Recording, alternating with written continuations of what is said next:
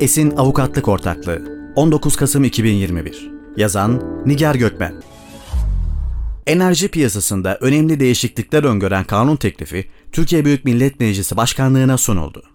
Birden çok kanunda değişiklik yaparak enerji piyasasında önemli yenilikler öngören kanun teklifi 16 Kasım 2021 tarihinde Türkiye Büyük Millet Meclisi Başkanlığına sunuldu.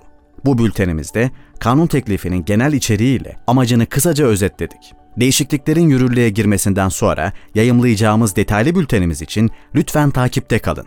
Kanun teklifiyle elektrik enerjisi satışı üzerinden alınan TRT ve enerji fonu payının kaldırılması suretiyle tüketici üzerindeki mali yükün hafifletilmesi amaçlanmaktadır. Elektrikli araç şarj istasyonlarına ilişkin düzenlemelerle uygulamada ortaya çıkan boşluk doldurulmakta ve şarj istasyonlarına ilişkin lisans yükümlülüğü ile ilgili gereklilikler düzenlenmektedir. Doğalgaz arz güvenliği kapsamında tüketicilerin korunmasına yönelik ek tedbirler alınmasının önü açılmaktadır enerji verimliliği uygulama projelerinin uygulama kapsamı, tarım ve hizmet sektörünü de içerecek şekilde genişletilmektedir. Lisanssız elektrik üretim tesislerinin yenilenebilir enerji destekleme mekanizmasından faydalanması kapsamında ihtiyaç fazlası elektriklerini dağıtım sisteminin yanı sıra iletim sistemine de vermelerine imkan tanımaktadır. Enerji Piyasası Düzenleme Kurumu'nda Enerji Dönüşümü Dairesi Başkanlığı kurulmaktadır elektrik enerjisine ilişkin arz güvenliğinin sağlanması için gerekli durumlarda Enerji ve Tabi Kaynaklar Bakanlığı ve TİH tarafından düzenlenecek kapasite ihaleleri kapsamında Türkiye Ulusal Enerji Planı çalışmasının dikkate alınması öngörülmektedir. Türkiye Ulusal Enerji Planı çalışmasının mevcut projeksiyonlardan farklı olarak 20 yıldan daha uzun bir dönemi kapsaması planlanmaktadır.